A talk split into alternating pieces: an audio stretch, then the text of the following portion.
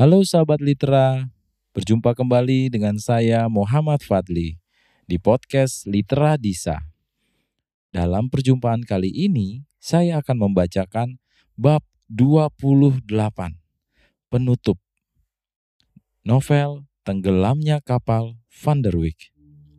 Penutup setahun kemudian. Oleh karena itu, Zainuddin kurang sekali menerima tetamu sejak kematian Hayati. Maka jaranglah teman-temannya yang dapat menemuinya. Kabar berita tentang keadaan dirinya atau sakit senangnya tidaklah begitu diketahui orang lagi. Tiba-tiba pada suatu hari, di dalam surat-surat kabar yang terbit dalam kota Surabaya, bertemu perkabaran. Zainuddin, pengarang yang terkenal, wafat. Pengarang muda yang terkenal itu, yang setelah sekian lama tidak kita baca lagi karangan-karangannya, yang sangat halus dan meresap, kemarin malam telah meninggal di rumahnya di Kali Asin. Dia telah dikuburkan di dekat seorang famili perempuannya yang meninggal karena kecelakaan kapal Van der Wijk tempo hari. Banyak teman sahabatnya yang mengantar ke kubur. Beberapa orang pengarang surat-surat kabar telah datang berziarah ke rumah itu. Mereka dapati beberapa orang pemuda anak Sumatera dan beberapa perempuan tua tengah duduk dengan wajah muram dan kelihatan juga muluk. Maka wakil surat-surat kabar itu pun datanglah mendekatinya. Sesudah takziah, mereka meneruskan kewajiban mereka menanyai muluk tentang kematian orang yang telah berkali-kali menceritakan kesedihan dan kemelaratan orang lain dan telah berulang-ulang mengobat ratap si fakir dan si miskin itu. Muluk bercerita,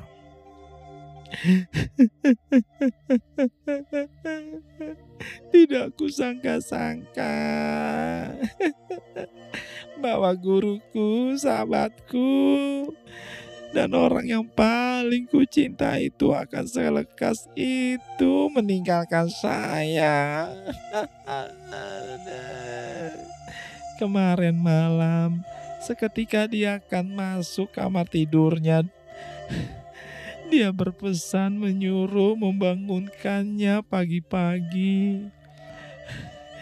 Tiba-tiba kira-kira pukul tiga malam kedengaran dia merintih karena sakit. Saya bangun dari tidur dan pergi melihatnya. Kulihat nafasnya amat sesak. Lalu segera aku panggilkan dokter. Aduh, sayang dokter hanya menunjukkan nama penyakit, tetapi tak kuasa lagi menolong. Jantungnya bergerak amat keras, tengah menulis akhir dari satu karangannya. Lidahnya segera surut sehingga tak dapat bercakap-cakap lagi. Di dekat dokter dia menengok saya sesenang-senangnya. Seakan-akan ada yang akan dikatakannya. Setelah itu dilihatnya sebuah tas penyimpan bundel surat-surat. Tenang-tenang dan ditentangnya pula muka saya. Akhir sekali dia melihat kepada gambar besar di dinding itu. Setelah itu dia pun pergilah buat selama-lamanya.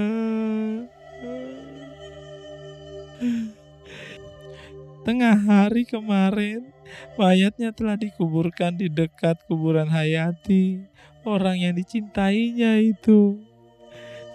Orang yang telah menyebabkan kemasyurannya. Sekembali dari pusara, bundelan surat-surat itu kubaca.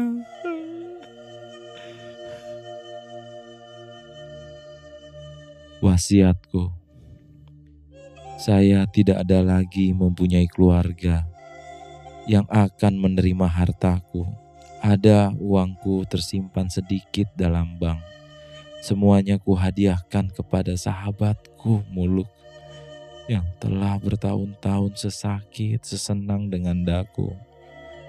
Harta benda peninggalan ayah bundaku di Makassar menjadi hadiah pula untuk orang-orang tua yang menjagainya. Daeng Masiga, karangan-karanganku kuserahkan kepada klub anak Sumatera. Sedapat-dapatnya karangan-karangan itu dicetak dan hasil keuntungannya diambil membantu anak muda yang terlantar dalam menuju cita-citanya. Saya heran. Kata Muluk menyambung ceritanya. Apakah sebab guruku membuat wasiat semacam itu? Apakah dia telah sengaja hendak mati dengan membunuh diri? Tetapi saya teringat sehingga keheranan saya hilang. Bahwa sejak mati Hayati, memang badannya sudah tidak sehat lagi kerap mulutnya terlanjur, lanjur saja menyebut mati. Dia mati dalam menulis akhir satu karangan. Di atas meja terletak tulisan yang penghabisan itu. Dan akan tercapai juga kemuliaan bangsaku, persatuan tanah airku, hilang perasaan perbedaan dan kebencian dan tercapai keadilan dan bahagia. Tiba di kalimat bahagia itu, sudah terhenti tulisannya dan tidak terang lagi apa ujungnya. Penanya terletak di atas kertas itu. Sekarang, meskipun ada kekayaan ditinggalkannya, apalah gunanya bagiku? Padahal saya kehilangan dirinya, sahabatku, guruku, yang telah sekian lama ku kenal, kemuliaan dan kebersihan hatinya. Buat apa lagi kekayaan benda itu? Dia telah kukuburkan di dekat pusara orang yang menjadi angan-angannya selama hidupnya.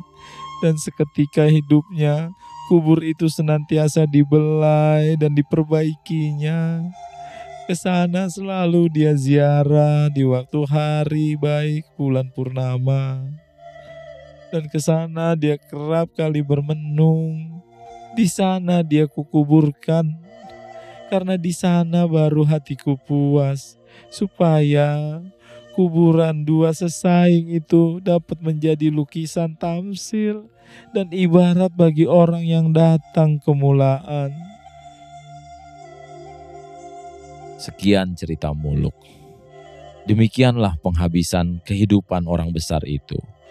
Seorang di antara pembina yang menegakkan batu pertama dari kemuliaan bangsanya, yang hidup didesak dan dilamun oleh cinta, dan sampai matinya pun dalam penuh cinta. Tetapi sungguh pun dia meninggal, namun riwayat tanah air tidaklah akan dapat melupakan namanya dan tidaklah akan sanggup menghilangkan jasanya. Karena demikian nasib tiap-tiap orang yang bercita-cita tinggi. Karena demikian nasib tiap-tiap orang yang bercita-cita tinggi. Kesenangannya buat orang lain, buat dirinya sendiri tidak. Sesudah dia menutup mata, barulah orang akan insaf siapa sebetulnya dia. Tamat.